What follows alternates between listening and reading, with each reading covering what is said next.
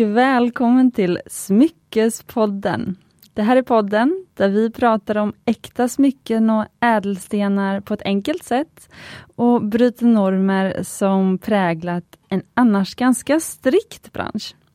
Och jag säger det här med ett eh, stort leende. Jag har en av mina äldre nära vänner på besök och så har jag en ny bekantskap. Det är ett lite nytt koncept vi ska testa idag i podden, så häng med säger jag bara.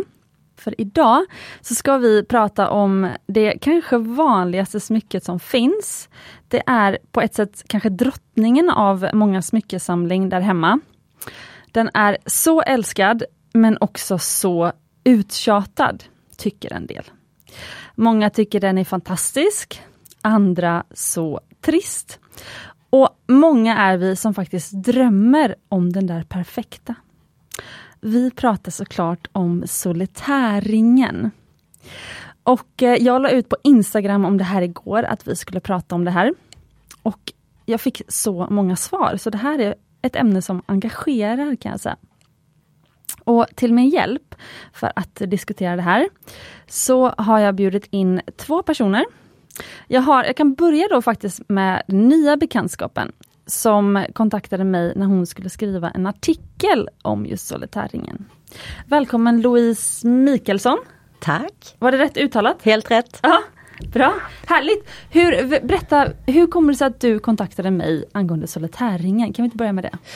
Jo, men jag tänkte, jag ju, har ju varit eh, smyckesälskare från barnsben och med åren har jag då börjat eh, kombinera eh, ett skrivande eller mitt skrivande med mitt smyckesintresse. Då tänkte jag skulle skriva en, en krönika eller en artikel eller liknande om där jag skulle utforska eh, solitäringens jag skulle egentligen utforska min egen, eh, mitt eget förhållande till solitäringen. Och då tänkte jag på dig eftersom att eh, du Dels för att du har podden och jag har lyssnat på den i, sen, sen, sen i början. Men också för att du ju eh, Jag tänker du, du, du formger och designar och säljer solitärringar och vad jag förstår är det ju en väldigt eh, eh, Ja men det är liksom en vanlig eh, det är liksom en stapelvara kan man säga. Ja i, det var en bra beskrivning. I smyckesammanhang. Så att, eh, jag tänkte att eh, det skulle vara väldigt spännande att höra din take på det. Vad du har för förhållande till solitärringen då. För själv har jag ett ganska kluvet förhållande kan man säga. Förstår, vi ska utforska det sen. Eh, och sen så har vi eh, gäst nummer två då, som också varit med i podden innan faktiskt. Det var hon som friade till sin kille i sängen.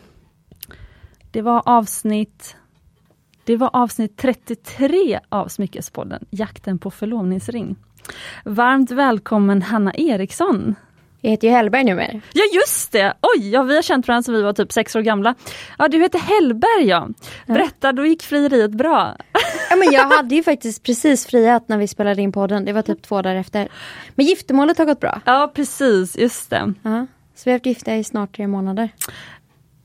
Stort grattis får man säga. Tack så mycket. Och Jag kan säga två saker om Hanna. Dels är det att um, Hanna är ju den kompisen som jag ganska ofta refererar till i podden. Så ibland kan jag säga min kompis som hade smyckesintressen redan när vi var pyttesmå och gick och köpte smycken till sig själv. Hon med redan i avsnitt ett. Eh, och sen så har jag också pratat om min kompis som hänger på auktioner till exempel. Då är det också Hanna. Eh, och jag kände att det är ju väldigt kul att ha med just liksom en sån supersmyckesnörd. Du är väldigt om dig och kring dig och läser på mycket och, och sådär. Så jag tänkte att jag och Hanna har så bra liksom, diskussioner om smycken liksom, utanför podden. tänkte jag, nu får jag bjuda in Hanna här. Och den andra grejen är att du vill ju verkligen att smycken ska vara speciella, du vill gärna hitta något som är lite quirky. Och eh, du har ju absolut inte en solitärring som varken till exempel förlovningsring eller vigselring. Och du tycker egentligen att det här är ett ganska tråkigt ämne. Berätta! Jag tycker inte att ämnet är tråkigt, men min första tanke när du sa solitärring var att det är en ring för ängsliga och osäkra människor som inte har någon fantasi.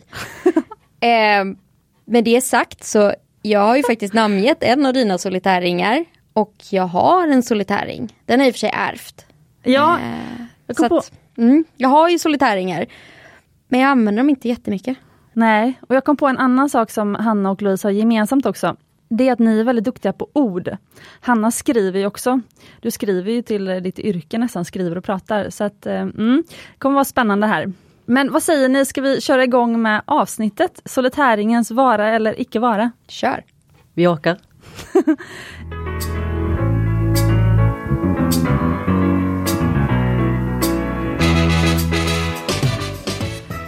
Okej, Louise. Jag skulle vilja börja med, vad är det du tycker är vackert med enstensringen? Eh, jag tycker nog att det som är vackert med enstensringen är också det som eh, är tråkigt. Alltså enkelheten. Att den är, det är ju i princip bara en skena, en fattning och en sten. Det är det som definierar själva solitären. Och den kan ju vara, eh, som Hanna säger, så tråkig som man eh, trillar av stolen. Faktiskt. Men den kan ju också vara väldigt eh, elegant tycker jag.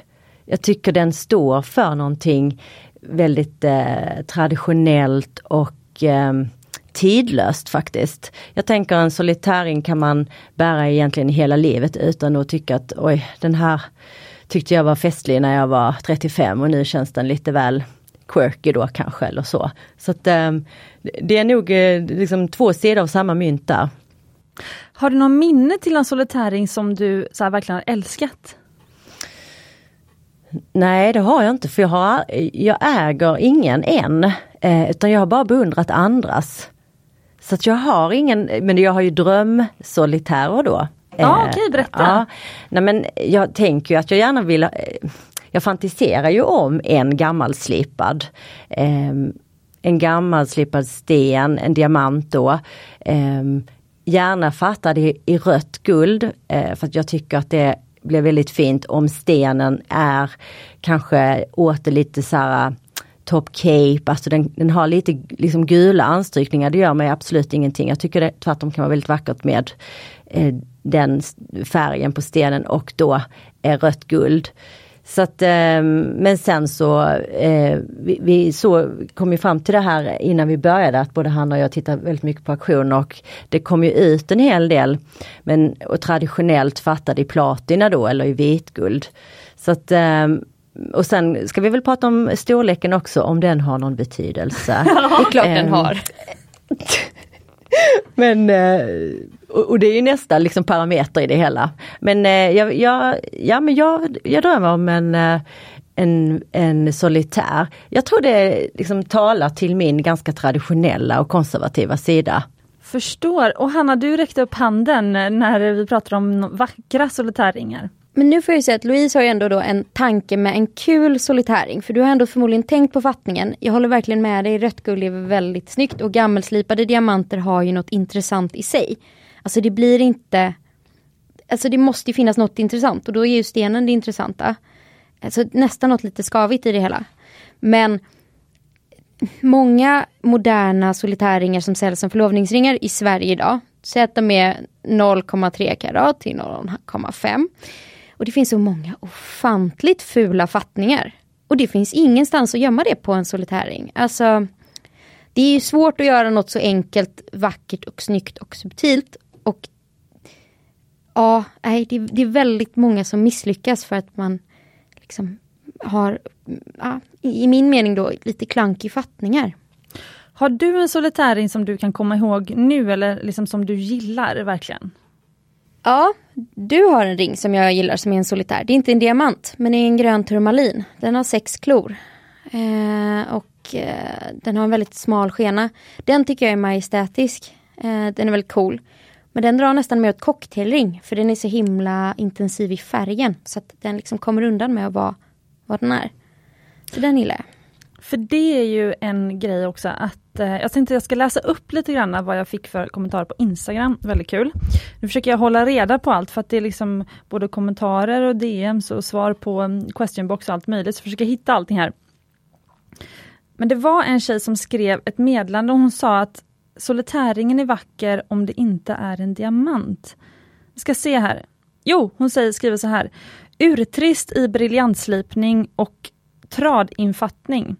Kan vara kul i en annan slipning och sättning, men absolut färg i så fall. Och då frågar jag vad hon menar med tradinfattning. Det har faktiskt inte ens jag hört. Fyra eller sex klor med briljantslipad diamant. Urtrist. Jag går inte i närheten av det. Nej. Det var starka känslor. Ja, verkligen.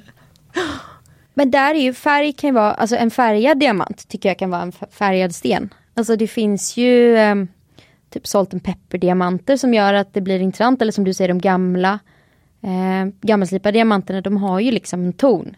Så det skapar ju någonting intressant. Men just det här platina, vitsten, det är liksom det blir så himla intetsägande. Men jag har fått ett svar då, en kommentar på Instagram som säger, eh, vad bara som har svarat liksom på eh, vad tycker du liksom om solitärringen? En självklarhet, har hon bara svarat då. Förstår ni vad hon menar med det? Alltså du har ju haft ett helt avsnitt där du pratar om en smyckesbasgarderob. Eh, och det är väl typ den första ringen du nämner. Alltså en liten vit diamant. För det funkar alltid. Och ja, det gör det ju. Det är väldigt svårt att gå fel. Men då beror det väl lite på vem man är i sin smyckespersona. Jag bär inte mina smycken för att de ska smälta in och passa till allt. Eh, mindre så nu, men tidigare så hade jag ju smycken på mig som ett statement. Det skulle ju vara en conversation piece. Och det blir inte så ofta. En nätt diamantsolitär. Mm, Louise? Men för jag tänker på det du sa Cecilia när jag intervjuade dig om att eh, Eh, för personer som inte bär smycken, så många smycken som inte, som är kanske i början av ett smyckesintresse. Eh, för dem kan det ju vara liksom en eh, ett, ett instegssmycke så att säga. Man börjar med en liten, en liten guldring med en diamant och, och känner liksom på det hur man känner, tycker att det är att bära smycken och så. Det är ju klanderfritt får man ju säga. Det är ju ingen som kan tycka att du är vulgär eller konstig eller har konstig smak utan det är ju ett tryggt val.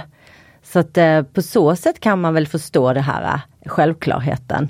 Men det är nog också så som Hanna säger att har man har man ett mer utpräglat intresse så kanske man vill ta ut svängarna lite mer. Och då känns det väldigt, väldigt mycket mittfåra att eh, ha en, ha en eh, solitär, kanske bara då. För en annan tjej skriver Team Solitär här. För att citera min guldsmed. Guldet är bara där för att hålla fast stenen det är ju min syn på liksom solitärring och har varit från början. Alltså, eh, när jag har designat solitärringar så är de också väldigt enkla. Jag vet knappt om man kan kalla det för en design för att de är så himla enkla och jag vill verkligen bara ha liksom raka klor som håller uppe stenen i princip. Det är min, och så ett slätt guldband, liksom, det är min ultimata solitärring det var liksom varför jag gillade solitärringen från början och varför liksom solitärringen är fortfarande en av mina dröm ringar. För att också när man blir mer och mer ädelstensnörd, det jag kan känna är när man letar ädelstenar är att om jag då hittar en perfekt, eh, eller perfekt finns ju inte, men alltså en sån här underbar som bara det här är min sten, den måste jag ha. Typ som jag fick faktiskt hem igår på posten en jättestor droppformad morganit som jag hade hittat via Johannes faktiskt, som var med här om avsnittet.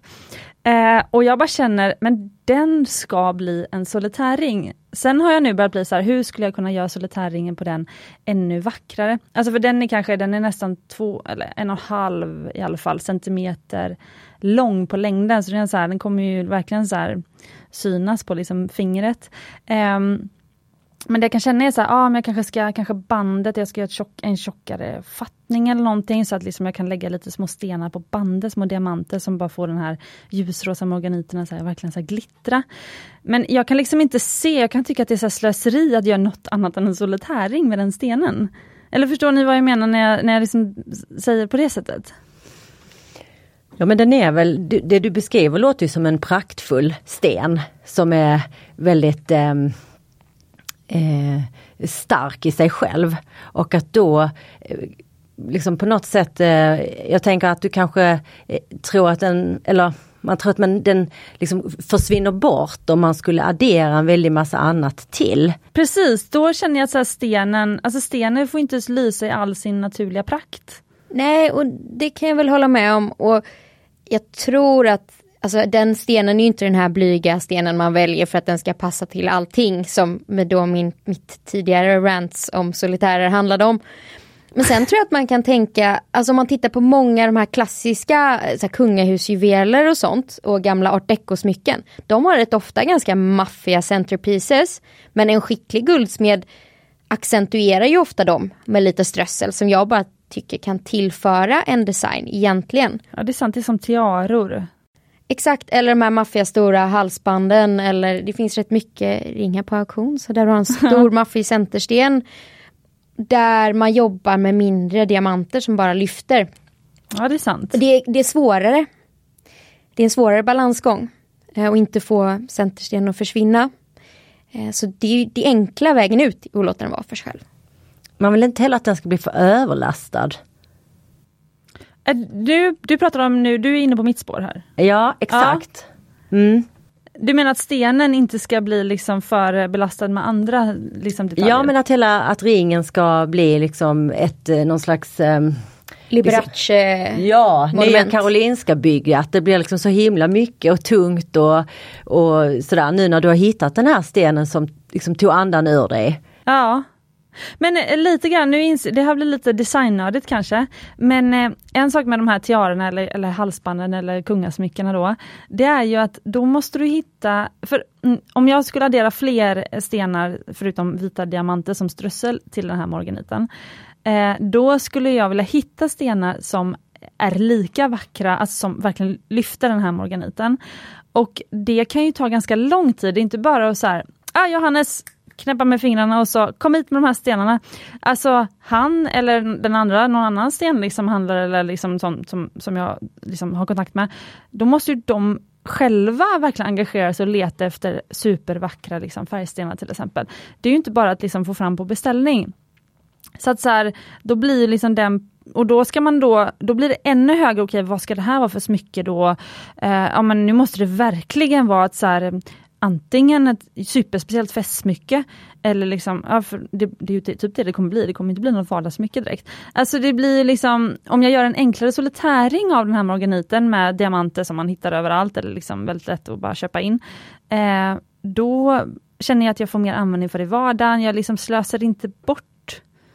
Jag för, liksom, du låser inte in dig i en design som är väldigt nischad. Nej och sen så kanske jag då har skapat en ring nu om, liksom, om en, två månader så har jag ringen på mitt finger. Jämfört med om jag ska ta ett, liksom ett halvår nu och leta efter andra stenar och liksom designa en super super duper exklusivt liksom, smycke. Alltså jag är egentligen emot att halos och strössla små diamanter i tid och otid. Men det låter ju som att du kanske kan få den att poppa. I och med att just morganiter har ju inte samma sparkle som en diamant på samma sätt. Men den är stor och maffig. Så det här med ringskenan kanske inte var ett så dumt alternativ. Lite strössel på ringskenan. Men vad tror du om så små briljantslipade padparacha Safirer oh. runt, så här gul med de där rosa, orangea som liksom lyfter den där ja, rosa. Och så kanske eh, typ en roséskena så den blir lite monokrom. Ah. Har inte det varit ah. snyggt? Ja jag hör, du har lite designskills där Louise. Ja, väldigt snyggt. Paparacha de vackraste safirerna. Åh, oh, jag vet. Oh. ja, det här är två tjejer som också hänger väldigt mycket på auktioner, så ni har sett väldigt mycket vackra smycken. Men om vi går tillbaka då till solitärringen som den här lite så här, tråkiga stenen då, och den som är till för ängsliga personer som du sa Hanna. Eh, ja, då, då antar jag att, eller jag ska inte anta nu, då ska jag fråga om, vilka är de personerna då som handlar den? Och till vilket syfte? Men jag är så fascinerad över för att vi har kommit fram till att eh, solitärstenar är vackra, alltså det är inte något fel egentligen. Men så olika som människor är i sina klädstilar, sina uttryck i vem de är. Så har jag så svårt att se varför exakt alla väljer en halv karat vit diamant med vit guld och sen så har de en eternity ring med vita stenar på. Vi är så mycket mer olika än att alla ska ha den typen av vigsel slash förlovningsringar. Sen har jag någon lite elak teori om att om man inte kan så mycket om smycken och inte vet någonting så är det väldigt lätt att ursäkta att jag svor, jämföra storleken på diamanter. Så bara, åh vilken fin ring och bara mm, 0,6 karat, ah min är 1,2. Då vet man redan att, ah dang, your fiancé dropped a lot of dough on that. Säg att du har pengar utan att säga att du har pengar. Ja men jag tycker ändå att du, eh, nu är ju jag liksom på baksidan av smyckesbranschen eller så. Eh, och ehm, du har ju ändå väldigt rätt i det där, alltså många Många använder ju solitärringen som en statussymbol just vid förlovning och vigsel. Och eh, även de som kanske har en väldigt stor sten, det är ju de som in, helst inte vill säga hur stor den är. Och sådär. Ja, Louise? Förutom Elizabeth Taylor då, som ah, jag hade okay. jätte, som, hon fick ju då, hon var gift åtta gånger tror jag, hon hade ju då åtta olika eh, äkta makar och hon hade ju absolut inga problem med att berätta precis hur stor den var. Och hon tog oftast av dem och folk fick prova och hennes män berättade för pressen eh, hur stor stenen var, vad den hade kostat. Så att, eh, jajamän, så att det var ingenting. Men idag, ja det här var i och för sig på om, liksom Hollywood 1900 liksom 50, 70 och 80-talet och så vidare. Så att, eh, det är kanske lite annorlunda. Men eh, ja. Hon var inte en ängslig solitärbärare, hon var ju bara awesome. Exakt, verkligen inte ängslig. Nej. Nej, ju större desto bättre tyckte hon tror jag. Mm. Men varför har man en solitäring då som en statussymbol om man sen ändå inte vill eh, visa exakt hur stor den är då till exempel? För att om dina polare som också har solitärer, för det är sannolikheten är ganska hög, har också varit hos en guldsmed och tittat. Och om de ser hur stor din är kontra deras egen eller hur liten så kan man då eh, räkna ut bakvägen hur Okej, okay, det är en subtil så armbåge i sidan. Exakt. Den som vet vet. Mm. Ja, jag förstår.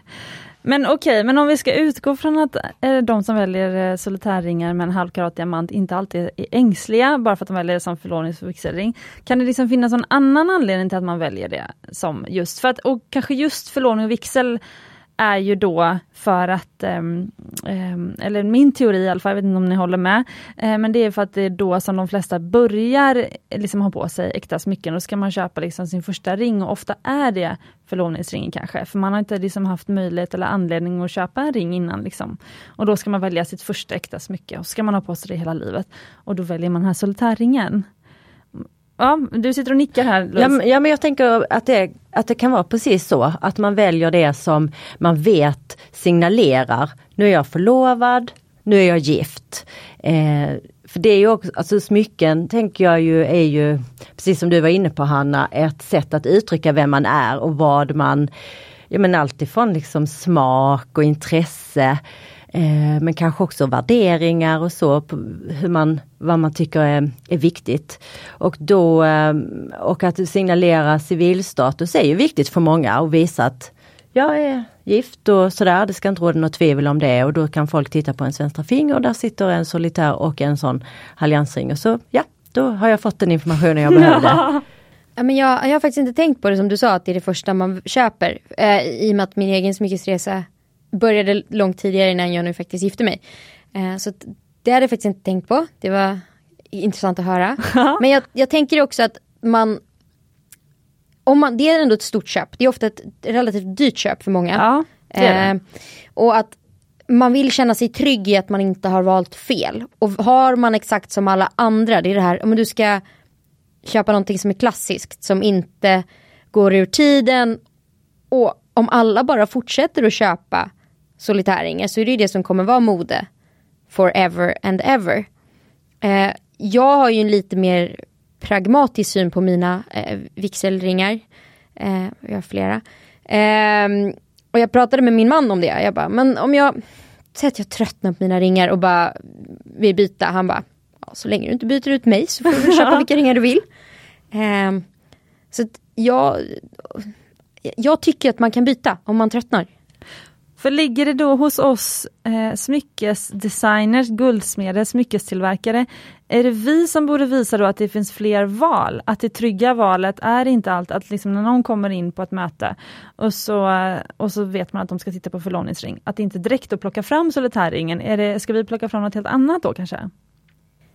Jag tänker att ni vill ju vara lönsamma och gå runt och inte, man får väl läsa situationen och se vad personen i fråga tänker. Men jag tycker att man kan eh, öppna ögonen för lite intressanta smycken. Sen så, det har du pratat väldigt mycket om i podden, att det finns vissa saker som man bör tänka på med vigsel och förlovningsringar. Mm. Och det är ju hållbarheten av stenen. Mm. Eh, och då är ju diamanter väldigt bra. De är ju väldigt hållbara.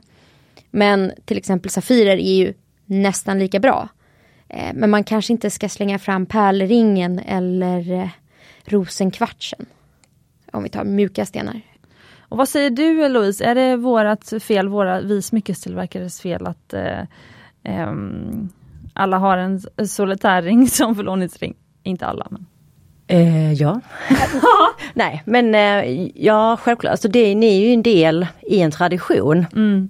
Tänker jag och i den traditionen så eh, ja men det är självklart att man man ingår i den, man vet vad som fungerar, man vill också ha nöjda kunder, man vill hjälpa dem till ett, till ett beslut. Men jag tycker ju att det är spännande när guldsmeder och smyckesdesigners faktiskt öppnar upp och hjälper kunderna och smyckesbärarna att eh, själva pröva nya tankar. Att det här kanske skulle egentligen passa mig bättre. Men också det här att man måste inte ha samma i hela livet för att kärleken och äktenskapet sitter liksom inte i ringen. Du kan ju välja, du kan, du kan komma på att nej men jag det här tyckte jag var jättefint när jag gifte mig då när jag var 30 eller 40 eller 50. Men idag så ser mitt liv annorlunda ut eller jag har en annan smak eller jag har ett annat jobb där det där kanske inte riktigt ja, känns så passande. Och då kan man byta. Det är ju inget, eh, har, man, har man råd och intresse så får man, man får göra precis som man vill. Man måste liksom inte låsa fast sig. Det blir så snävt. Ja. Men om någon kompis skulle komma till er nu och säger om, ja men jag är nyförlovad och nu ska jag leta ring. Vad, ja, nu ler Hanna här. Vad skulle ni ge för tips? Ja, Louise, kör på! Ja, kör. Nej, men jag skulle nog ge det tipset att välja eh, Alltså för det första så måste man välja en ring som där det känns i kroppen när man ser den. Ja, det var fint. Mm. Det måste kännas åh, ett sug i magen eller att det pirrar. Man ska känna att det här är någonting som jag blir glad av. Tänk vad härligt att jag ska få ha den på fingret och se den varje dag. Det är ju det absolut viktigaste. Det var jättefint för det är, så man, det är så man beskriver kärlek också. Tänk att jag ska få vakna upp med honom eller henne varje dag. Ja, ja. exakt. Mm. Och sen tänker jag också livsstil.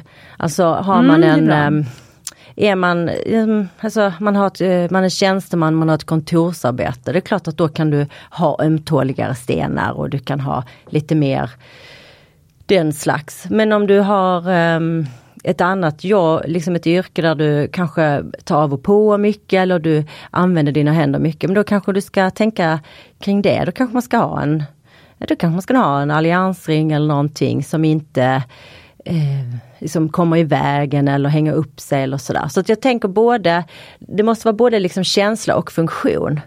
Mm. Härligt, och Hanna?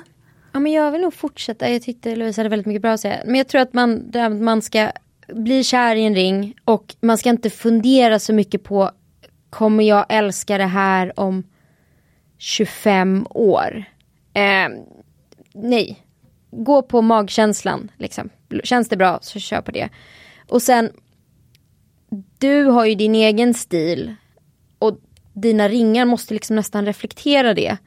Och då eh, är du eh, en alliansring eller är du en solitär tjej eller liksom är du super edgy punkare så kanske svarta diamanter är din grej.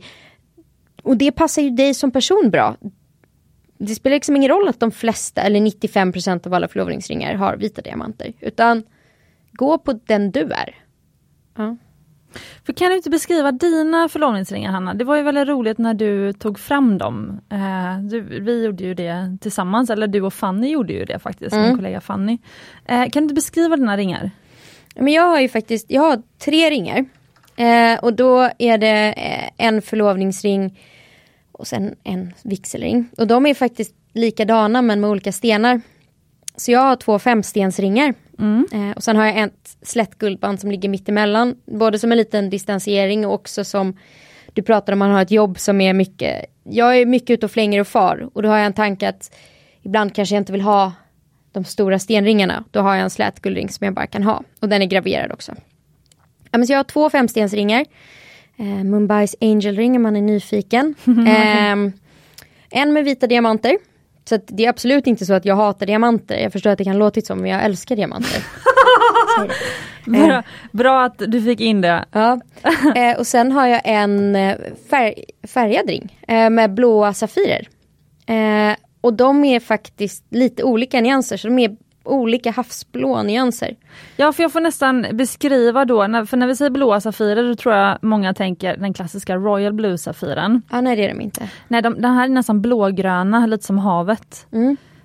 Så, jättevackra och det var ju ett eh, hästjobb för Fanny att, och det var många möten i showroomet och titta på olika Safirer som Fanny lyckades ta hem. Och sen när man gör en femstensring då som Hanna beskriver, det är alltså fem eh, 4 mm stenar i det här fallet som ligger på rad eh, längst liksom uppe på hela, så det, är- det är det enda man ser när man liksom tittar på eh, finger, liksom handen uppifrån. Alltså det är egentligen en ganska klassisk ringmodell tror jag. Solitärringen tycker jag känns ganska amerikansk. Men eh, det roliga är att min mamma har ju en femstensring själv.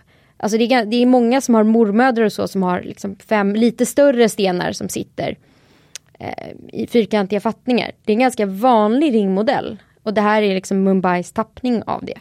Ja men jag skulle ändå vilja säga det också, ni som har sett mycket smycken på auktion också. Alltså ni ser ju också liksom att mycket av det som görs idag eh, är ju liksom flera av de enkla modellerna som fanns förr. Och de mest komplicerade ringarna man hittar på auktion kanske, som har väldigt avancerade liksom designs eh, och mycket liksom krumelurer och krusiduller och sånt. Guldet är väldigt arbetat. Det kanske man inte hittar riktigt idag för det är ingen liksom som har råd att lägga ner den arbetstiden för man får sen inte pengarna tillbaka när man ska sälja ringen. Eh, så att, men om man pratar om solitärringen som en väldigt klassisk modell och att det kanske är därför som man väljer den ofta. Att liksom när man drömmer om sitt första äkta smycke så drömmer man om en solitärring. Um, alltså det, det finns ju många andra klassiska modeller av smycken som man kanske bara inte har... Om man, om man har hängt på auktion, då vet man om dem. Men om man inte hängt på auktion, då vet man liksom inte om dem. Men typ en sån här femstensring är ju en superklassisk modell som man lika gärna skulle kunna välja i sin basgarderob än solitärringen till exempel. Alltså det finns ju många av de här liksom klassiska. Har ni några sådana som ni känner så här, det här tycker jag borde kunna slå lika hårt som liksom solitärringen. Alltså det här skulle kunna vara lika populärt. Eller liksom, eh, om man tänker att man ska liksom ersätta solitärringen med något. Jag tänker att trestensringen är ju väldigt Ja. fin. Och den är ju också, eh, den kan man ju göra mer intressant då. Om man ska eh, tänka på det i sådana termer. Att man kan, men man kan ju också då få lite mer sten. Eh, för att eh, man får, man behöver kanske inte ha så, var och en behöver kanske inte vara så stor. Men om man har fler i kombination så blir det ju ändå helhetsintrycket blir ju att det är ganska glittrigt. Om man nu då, som jag gillar det. Eh, så trestensringen tänker jag skulle jag slå ett slag för. Ja, Jag håller Eh, verkligen med. Och där kan du jobba med balansen mellan mittenstenar och de mindre stenarna. Att komplementstenarna som sitter utanpå kan vara nästan lika stor som stenen eller så kan de vara lite mindre.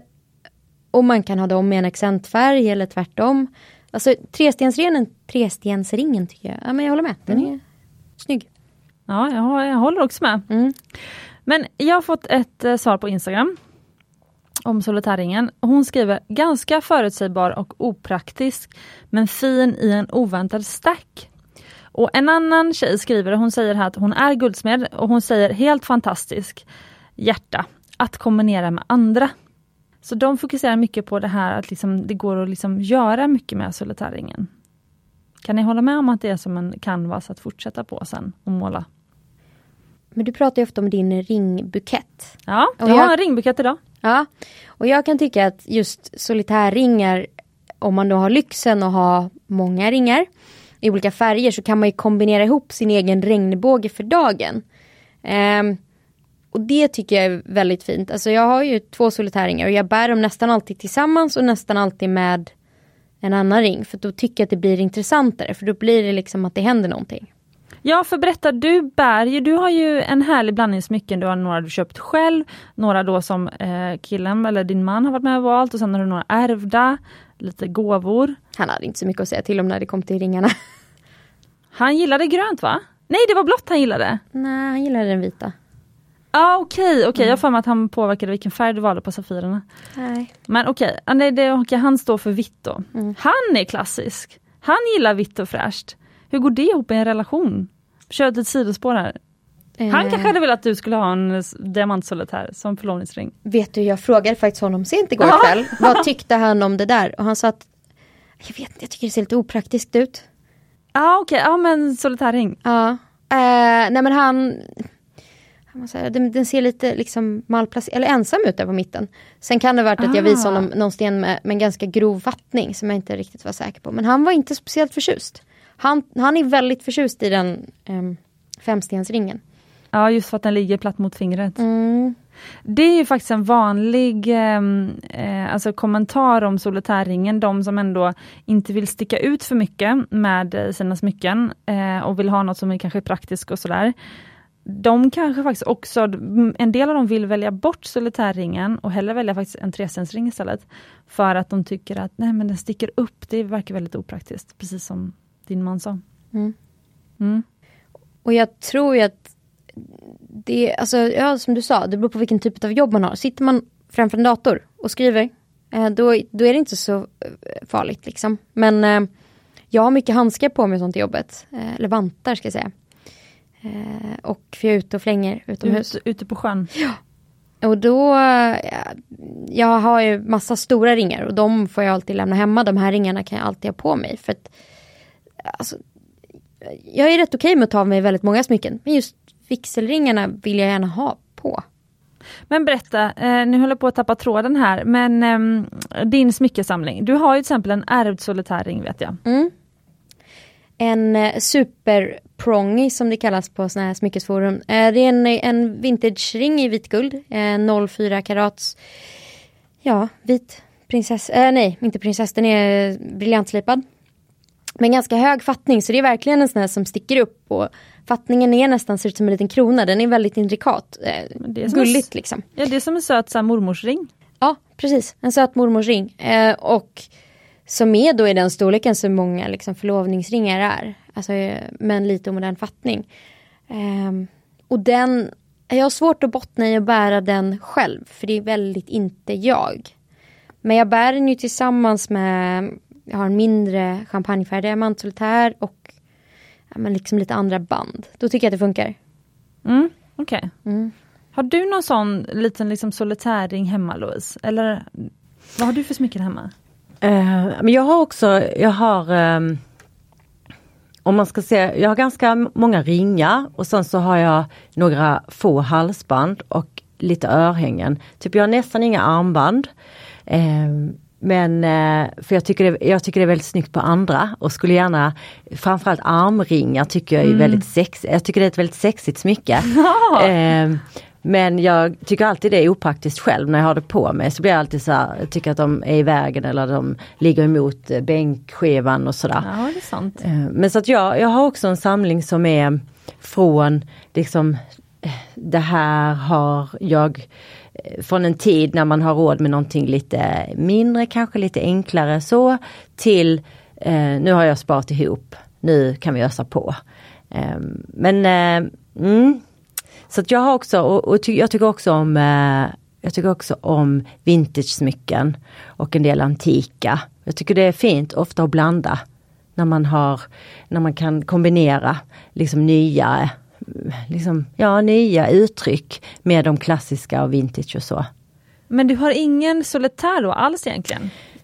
Eh, nej, det har jag inte. Nej? Min vigselring var från början en, en solitär faktiskt. Eh, det var så vi designade den. Men sen trivdes jag inte med det.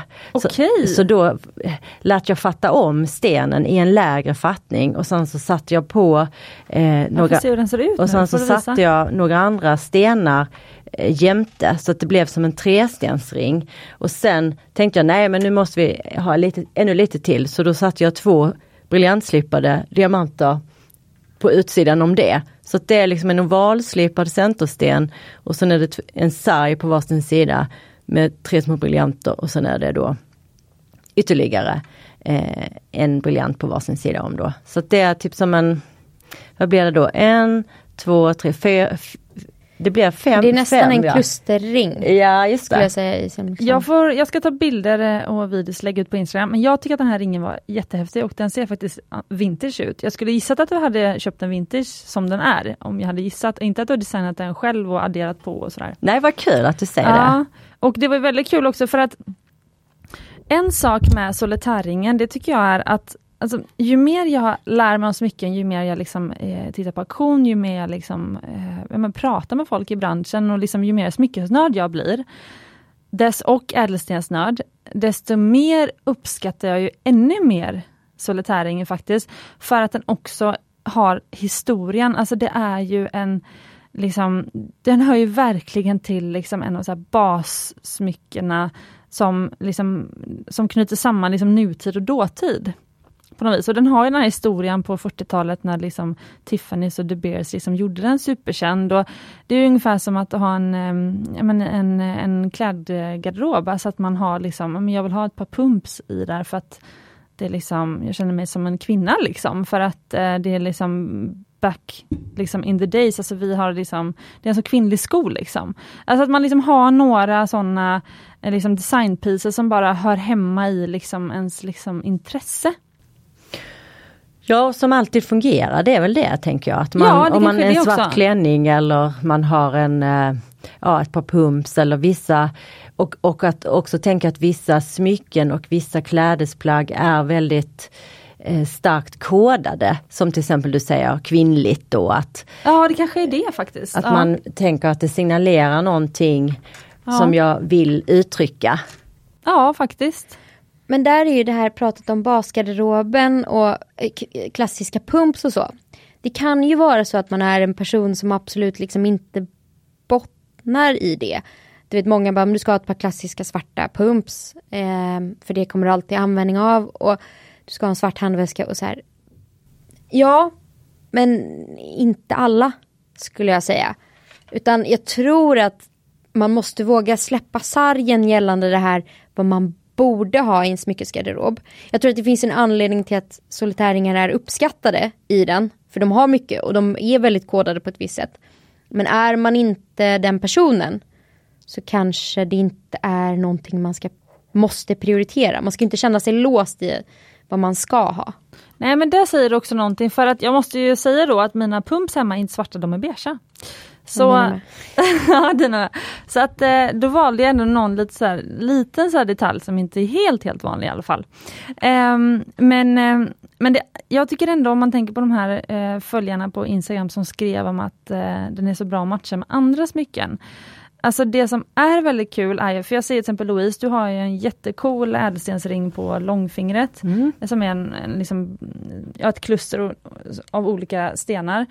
Och den är ju superhäftig, jag ska ta till Instagram med. Ser nästan ut lite som en påfågel nästan. Eh, den är orange och grön och svart och vit och jättehäftiga ädelstenar. Eh, men den går inte riktigt att kombinera med andra på samma finger. Eller det kanske man kan men, men det blir svårt. Nej men det kan man inte för att den sticker ut på alla håll. Ja precis. Så man kan inte lägga någonting under eller över utan den måste få, få liksom trona i eget majestät så att ja, säga. precis. Eh, men, men det som är så kul med typ solitärringen och även alliansringen och sådär, eh, det är ju just att man kan kombinera med, alltså du kan ju gå in nästan till vilket smyckesmärke som helst och addera en ring till din redan befintliga smyckeskollektion och liksom matcha och bara ha massa ringar samtidigt eller på samma finger och sådär. Så att liksom om man jobbar med färg och sådär, typ att jag kan ju ha en, eller som du då på din vigselring, att du hade en, en oval diamant. Då blir den ju lite annorlunda. Och när den var en solitär, då, då, kunde, du ju bara, då kunde du ju matcha med vad, liksom, vad som helst nästan. Mm, För att designen var så enkel. precis. Nej men det måste man ju ändå ge. Det måste du ju också ge den Hanna. Solitären. att den är liksom, den är ju en kompis. Ja men det, det är en kompis liksom. Men jag, jag vet ju inte att, att min, min, vigsel, eller min förlovningsring med vita diamanter är så himla mycket svårare att kombinera egentligen. Nej, jag måste säga att nej, men det var det här jag ville komma till också innan, att det finns några andra smycken, eller designs ska jag säga, som är lika enkla att kombinera med och stacka upp med massa andra ringar. Men det var det här jag menar med att jag tror inte folk vet om det. Så vi då som säljer smycken, eller vi som pratar om smycken nu, ni är också smyckesinfluencer nu eh, när ni sitter och pratar i podden då kanske. Eh, eller till era kompisar som frågar er om smyckesråd kanske. Men då är det liksom vår uppgift nästan att så visa, nej men solitärringen finns, alliansringen finns, men du, det finns också den här femstensringen. Och femstensringen, den kan du också bara adda på massa andra ringar och bygga en ringstack. Och liksom att det finns andra modeller också, som också är superklassiska, men som folk inte vet om. Vad säger ni om det? Ja, men det håller jag verkligen med om och jag tycker också att man eh, Alliansringen går ju om man vill eh, jobba med flera alliansringar kan jag tycka är superfint. Då får du ju en, en stack som inte sticker ut och som är väldigt praktisk. Men du kan få väldigt gnistrigt och vackert. Och då kan man jobba med mycket färg för man kan ha flera olika smala ringar som ger ett väldigt nätt uttryck men som är minst lika kul tycker jag. För berätta om ditt senaste auktionsfynd. Det är ju en helt vanlig alliansring, men den är inte helt vanlig. Nej, det är en alliansring med Safirer i olika, så den är regnbågsfärgad. Eh, inte, så det sitter typ fyra av varje sten i blått, lila, rosa, orange, gult, grönt. Ja, verkligen regnbågsfärgad liksom runt, men ja, en färgglad alliansring. Och den här hade ju gått att stacka jättekul tror jag med en vit solitärdiamant. Eh, då får du verkligen en sån här sparkly rainbow. Men att, att kanske våga då utmana solitären med kul kompisar. Precis. Ja, du sitter och fnissar Louise. Nej men stacks är väl underbart. Ja. Alltså det kan man ju inte få för mycket av. Det är ju väldigt eh, snyggt tycker jag. Mm. När man kan liksom bygga på och variera och sådär. Sen så ska man ju... Nej, jag tycker det är härligt. Har du något eller no, båda er två egentligen, men eh, vi börjar med dig då Louise. Har du något så favoritsmycke hemma? Om vi pratar om ringar då, så vi kanske ska prata eh, favoritring. Som du känner så här, det här är min favoritring för att den går till allt eller den är så liksom, ja. Har du någon sån? Ja men då skulle jag nog säga att det är den här som är eh, en Vive Nilsson. Mm. Eh, och den, så, den fick jag eh, när jag fyllde 40 och min man friade.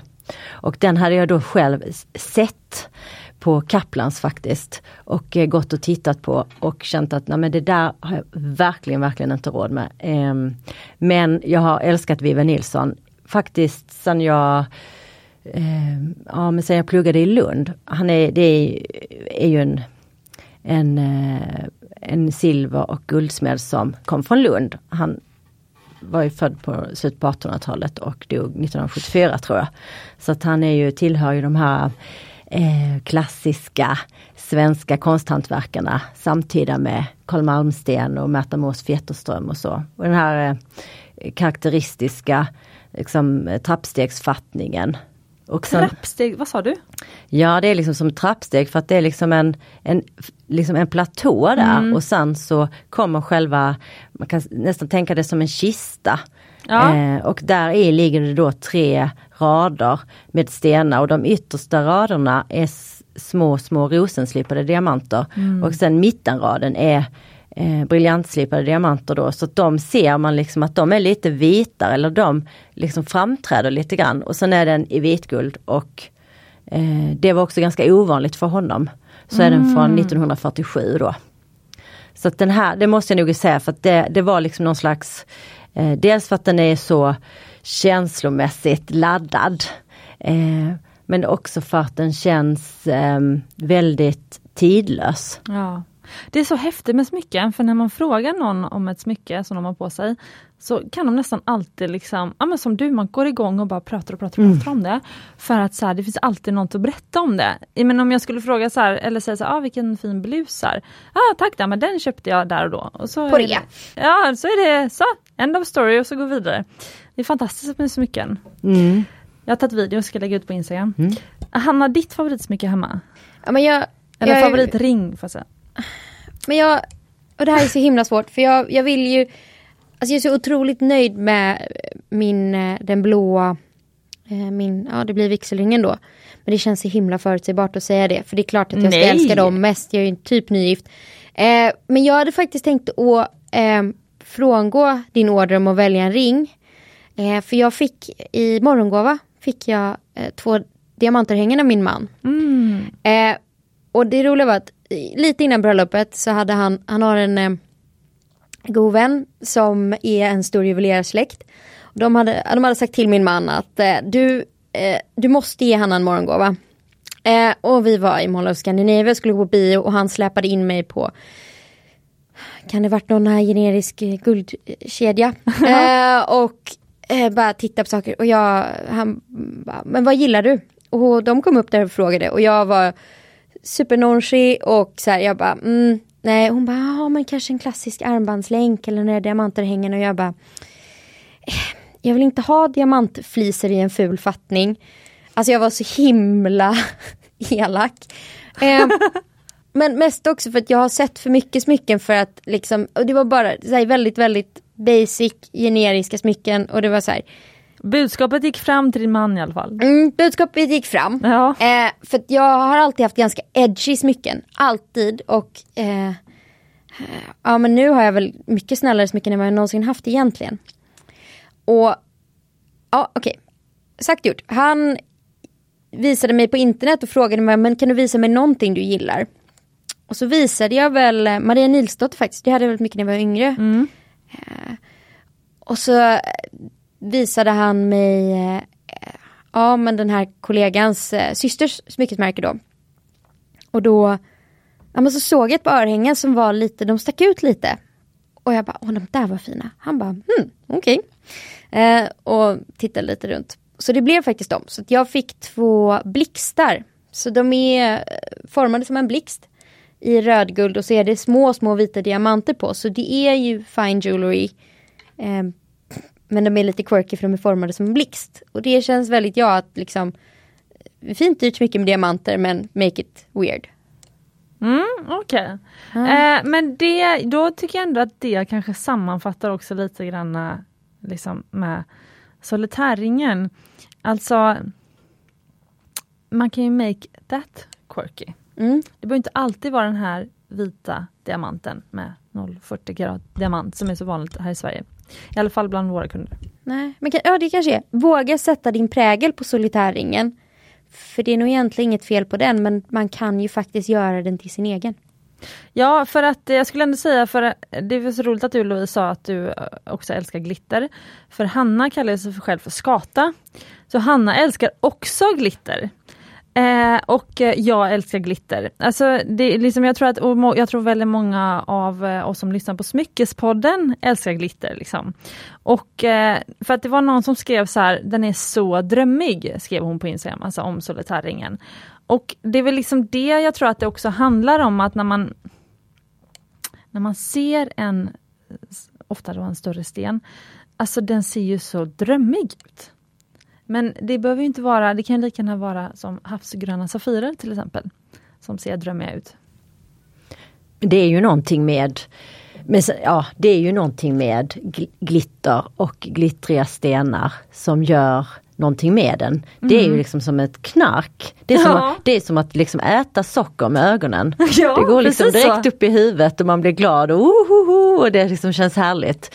Så att jag tycker också de här jag har ju provat några sådana där större eh, solitärer på Antikmässan och jag var på Ribbhagen och sådär. Och eh, de är ju fascinerande. Det är ju, det händer ju någonting med den när man får på sig en sån där Liksom. Skating rink. Ja eller en, som jag såg någon, eh, provade någon som var gammalslipad och tre eller fyra karat och hade liksom en fantastisk lyster och charm och liksom ett eget uttryck och allt det där. Eh, samtidigt som det, det liksom är som en slags explosion. Mm. Så det är ju, alltså det, är ju, det gör ju någonting med den tänker jag. Rent fysiskt. Så om vi ska sammanfatta då. Vi börjar med Hanna, solitärringen. Ja, men våga frångå normen. Våga sätta din prägel på den. Och våga titta på alternativ. Mm. Och Louise? Ja. ja, ja, men jag tycker det. Jag tycker den är härlig. Och eh, jag säger också ja. Jag har på mig tre solitärringar idag faktiskt. Men inte en enda har en stor diamant. Utan den ena har en stor knallrosa Safir i markisslipning, som en eka ungefär, eller ett öga. Den andra har en mörkgrön turmalin i smaragdslipning och den andra har en ljusgul heliodor. Man säger, det är den ljusgula systern till akvamarin och eh, morganit kan man säga. Ovalslipad. Ja, den är ovalslipad. Och det är tre gigantiska, men jag skulle säga att den är varken, de är varken särskilt vulgära eller särskilt, särskilt statussymboliga för att eh, jag tror att många som inte kan smycken säkert skulle tro att det är bijouterier faktiskt. Men eh, stora ädelstenar I love. Ja. Men jag har ju, nu vill jag kapa lite här, vi ser om ja. vi har tid för det här. Ja. För jag går och tänker väldigt mycket på smycken. Mm. Och det känns som att ni är med mig på det tåget. Eh, om ni fick gå ut och droppa en, en, en okej summa på ett smycke, inte liksom nu köper jag fyra karat perfekt River diamant. Men vad är det nästa ni skulle vilja addera till er smyckeskollektion? Okej, det var en kul fråga. Mm. Adam, du får gärna ta med den här frågan. ja, Louise, vill du svara först? Men jag skulle ju eh, vilja ha en armring. Jag envisas ju med att jag tycker att det är väldigt vackert, eh, ett väldigt vackert smycke. Jag tycker att den gör sig eh, extremt väl i en, eh, liksom en smyckesgarderob eller hur man ska uttrycka den. Som du till exempel ser jag nu, ja det här, eh, liksom ett, en, en enkel armring, den stel ska den ju vara tycker jag. Eh, ja, det, det skulle jag gärna vilja ha. Men den måste ju vara bekväm, men det blir svårt att ha någon, jag vet inte hur jag ska, hur jag ska få det att funka, att den ska vara bekväm och armring. Men den, som den du har är inte helt stängd utan den är ju lite öppen. Mm. Jag tänkte säga det, alltså jag har ju en, eh, ja men det är nästan som en ring med bara diamanter runt. Eh, men den är oval så den är formad efter handleden. Och sen så är den liksom öppen så man hakar bara i den. Så den bör verkligen vara liksom gjord, man får ju mäta exakt den. Om man vill ha ett sånt armband så mäter man exakt sin handled så att den verkligen så sitter bra runt handen. Mm. Eh, så att, ja, nu ser jag när du tar på den. Frågan är om du, ja. Vad tyckte du om när du bar den? Men den var lite liten. Men Ja, jag, tror också det, att den var. Ja, Jag tror, men för att du bar, bar ju den, du bär den lite längre upp. Ja det- men den dinglar lite mer. Ja och där ska den ju sitta, den måste röra sig lite, den kan inte sitta som en Nej. liksom ett sånt buntband, helt åtdragen. Nej men så det skulle jag vilja ha. Jag letar också på, jag tittar också på auktioner och sånt. Men det svårare tycker jag på auktioner eftersom att det handlar, sin ringstorlek vet man ju, jag vet ju vilka ringstorlekar jag har på alla fingrar. Eh, då kan jag köpa på ett annat sätt på auktion. Men den här armringen tycker jag är lite svårare, jag vet inte riktigt hur jag ska lösa det. Ja, då får du gå och prova på, eh, ja, om det är på Kaplans eller Uppsala Mm. auktions eh, eller något annat. Mm. de, ofta kan man ju prova smyckena som är på auktion. Ja precis. Nej men så det, det eh, en armring skulle jag gärna vilja ha. Jag tycker att den, eh, den borde liksom ingå. Jag tycker det är väldigt snyggt. Ska det vara diamanter på eller ska den vara slät? Eh, ja, alltså det är ju trevligt med lite, lite stenar. ja. Eh, Okej, ska jag svara då? Alltså, jag tänker ofta på hål i min egen smyckesamling. Eh, typ som nu då, nu har jag på mig eh, mitt så här MAM-halsband med så här, eh, tre bokstäver, M med diamanter på runt, runt halsen som är ganska tajt. Och sen så har jag på mig en, eh, ja, något som ett Mumbai-smycke som kallas för Guiding Star Pendant. Och det är som att man ska följa liksom sin egen liksom ledstjärna. Så. Eh, och sen så tänker jag så här mellan de här två, för de är två olika längder så det blir lite som stacking. Och sen så har jag en till halsband faktiskt, fast det göms lite grann bakom det här mammahalsbandet. Eh, det är en liten sån här bare diamond bara, en liten borrad diamant som hänger där. Eh, en chokladdiamant faktiskt. Men jag tänkte att mellan mam och, eh, och eh, den här Guiding Star Pennen så funderar jag på att ha ett litet hjärta, ett ihåligt hjärta eh, med så svarta diamanter och typ en liten vit. Jag tänkte det skulle vara fint. Och så i då rödguld, alla mina, näst, nästan alla mina smycken är i det här gula guldet, rödguld. Eh, och så, för jag tycker det skulle vara så fint, jag, jag stod och tänkte på det i morse, vad synd att jag inte har ett sånt halsband som det hänger emellan så. Eh, och så var jag så här, kan man ha ett hjärta med svarta diamanter så här? Jo men alltså min kille älskar ju svart. och, så här, och det är väldigt mycket så här rockstar, det är väldigt mycket honom liksom och motorolja och sådär. Eh, så jag var så här, jo jag ska nog ha ett svart hjärta där. Jag tror att det blir coolt. Men det har ju ingenting med ekonomi att göra. Eh, så att så här, för mig är det mer att så här, jag får mer en, alltså såg om min process när jag vill addera i min smyckesamling. Sen såklart, jag drömmer ju faktiskt om den här megagigantiska eh, vita, gärna gamla, gammala liksom, det behöver inte vara kritvit, det kan vara en sån gammal slipad diamant. Eh, men en jättestor liksom, diamantsolitär på fingret, det drömmer jag ju faktiskt om. Men då blir det en fråga om ekonomi? Då blir det fråga om ekonomi, men det blir också fråga om så här, jag vill gärna att diamanten kanske ska ha en historia, jag skulle gärna hitta diamanten på, på en liksom sån auktion eller liksom någon, alltså jag kan ju kanske hitta via någon diamanthandlare men som har hittat någonstans ifrån. Eller, alltså jag, jag, jag, vänt, jag, jag vill inte aktivt söka upp stenen nu. Utan jag vill att stenen ska komma till mig liksom. Men sen vill jag ha en fet diamant på fingret. Mm. Ja Louise? Det vill jag också, ska, ska bara föra det till protokollet. Ja. alltså hade någon kastat det på mig så hade man inte tackat nej.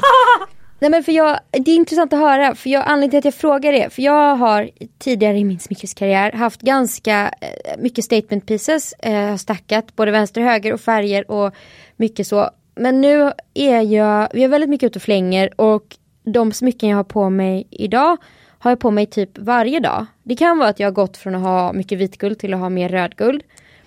Eh, och att jag har svårt, att det är väldigt lite som liksom verkligen matchar eller som mäter sig med min uh, vigselstack då.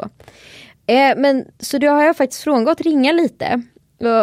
ja, för du vill inte konkurrera ut dem. Nej men jag har bara ingenting som riktigt kan mm. mäta sig.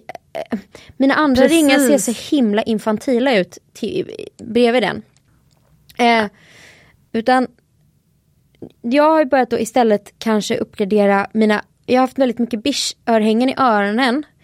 Eh, och nu fick jag ju men, de fantastiska örhängena jag har i morgongåva. Men jag skulle vilja ha en liten vit eh, diamanthoop. Eh, ah, fint. Kanske inte... En liten den, huggy? Ja, en huggy. Alltså som, som verkligen ligger, för jag har ett hål mitt på örat. Eh, där. För jag har kommit fram till att men, jag har väldigt mycket sportkläder på mig, väldigt mycket så här och det är väldigt kul att hitta då små oväntade poppar av diamanter. Men som ändå kan funka när man har mössor och inte dinglar och ja. inte fastnar. Så det är verkligen så här, det är nästa. Och det är inte heller egentligen en så här superekonomisk grej, det kostar ju pengar men alltså men det och sen i stark kontrast till det här praktiska då lite subtila så ligger jag och scrollar art deco-ringar på, på auktion. Alltså stora med rubiner och smaragder och liksom. Ja, du drömmer dig bort. Ja, men de är kanske en gånger två centimeter, riktiga sådana här art deco-konstverk. Så jag har ingenstans mitt emellan, det är litet och subtilt eller så är det liksom stort statement. Ja, för nu hängde jag upp mig på att du sa eh, ordet ekonomisk, för att på, eh, just eh, när du menar ekonomiskt menar du att du har inte med det är ingen stor investering så att eh, den, det är så mycket du drömmer om nu, den här haggin. Eh, men inte jämfört med allting annat vi pratar om. Nej precis, men jag skulle snarare säga att ordet ekonomisk passar väldigt bra där för att om man ska vara ekonomisk i, i när man ska tänka att man ska investera i något, något nytt smycke. Just en sån lite så här diamantörhänge som man kan använda varje dag som bara liksom glimmar till där liksom på örsnibben som man kan sova i, aldrig behöver ta av sig och så vidare. Det är ju ingen stor investering relativt sett. Och man har det varje dag. Eh, det adderar till liksom vilken outfit som helst, där seglarjackan på sjön. Så det är ju kanske ett av de mest ekonomiska smycken man kan investera i faktiskt. Men jag tycker faktiskt att det eh, faktiskt kanske lite får, får eh, avsluta det här avsnittet.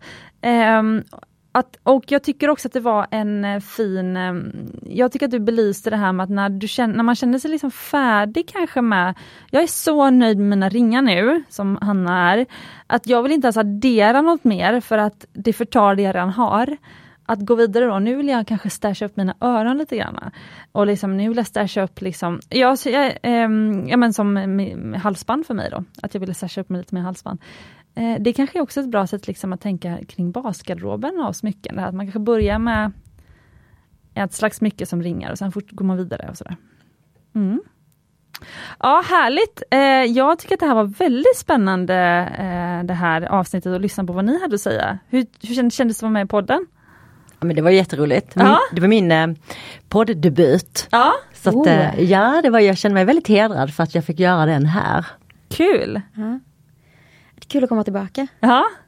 Eh, och Kul sen, att få åsikter. Ja, precis. Eh, och eh, ni som lyssnar, eh, ni får jättegärna skriva in och diskutera. Eh, och ni får tycka och tänka hur mycket ni vill. Eh, Så om ni vill delta, delta i konversationen så skriv till Smyckespanens Instagram. Man kan ju vara anonym så eh, genom att skriva DM också om man vill. Eh, så att eh, ja, och, och om ni tycker att det här också var ett eh, kul koncept där vi bara sitter och liksom, jag kallar det för att dravla, när man bara liksom sitter och tycker och tänker och det finns inget rätt och fel. Men jag tyckte det var väldigt kul och jag tyckte att ni gjorde er väldigt bra, ni vågade ha väldigt mycket åsikter. Vilket kan vara nervöst när man har en eh, mick framför nosen. Ja men, men, eh, ja, men vad roligt att du säger det. Ja. Det är såklart så. Men eh, det är ju ett ämne som det, som det är lätt att ha åsikter om så att säga. Så de ligger ju nära ytan. Ja, Ja, och det finns ju inte så mycket rätt och fel heller. precis. Och har ni, har ni något eh, tema, något fortsatt tema som ni gärna skulle prata om i podden? Och tycka och tänka till om? Jag tycker det är intressant att prata om smyckestrender. Eh, du och jag har ju pratat om det off, off mic så att säga. Eh, nej men eh, det här med att alla influencers startar smyckesmärken. Just det, det Mm. ringde du mig om häromdagen. Ja. Mm, Det var lite spännande. Hur, alltså hur det kommer sig. Och Louise, har du något sånt eh, ämne du skulle tycka var kul att Ja men jag tycker ju det, jag är inte så bra på det själv ska jag säga det här med eh, liksom en, en breddad bild av vad smycken kan vara. Men det finns ju eh, det finns ju det som också kallas för smyckekonst. Alltså att man, det finns ju många som eh, konsthantverkare som skapar smycken av andra material. Eh, men det kan vara trä, det kan vara gummi, alla sådana här. Och det är jag ju, känner jag ju mig själv väldigt eh, ny på det området och, och liksom tycker att det är spännande med de som tänjer på gränserna lite grann för vad ett smycke kan vara eller ska se ut och sådär. Så att, eh, det där som liksom går lite utanför skulle jag vilja eh, höra mer om och få hjälp att utforska. Mm, spännande. Ja, det var en eh, ny... Eh, eh, det har inte jag tänkt på faktiskt. Men det var en, eh, en kul eh, infallsvinkel faktiskt. Ja, tack så jättemycket för att ni ville komma till podden. Jag tänkte att vi ska, jag ska nu när eh, vi stänger av mickarna sen ska jag filma de smyckena ni har på er så får ni prata lite om dem. Så ni som vill veta vad gästerna har på er, ni kan kolla Instagram. Har ni något ni vill avsluta med att säga till lyssnarna om solitärringen? Ja, Men kör på! Ja, Skit i att det är vanligt och alla har. Gill, älskar du det så älskar man det. ja. Vissa älskar ju pepparkakor och äter det året om och Ja. går klädda i liksom svart året om och trivs alldeles utmärkt. Så att eh, ja, det du gillar, kör på det. Om du tycker att det står för vem du är och det uttrycker någonting om dig, så kör. Ja, jag har ingenting att tillägga. Lyssna på Louise. Och eh, glöm inte, kära lyssnare, att ni är värda äkta smycken och ädelstenar och solitärringar.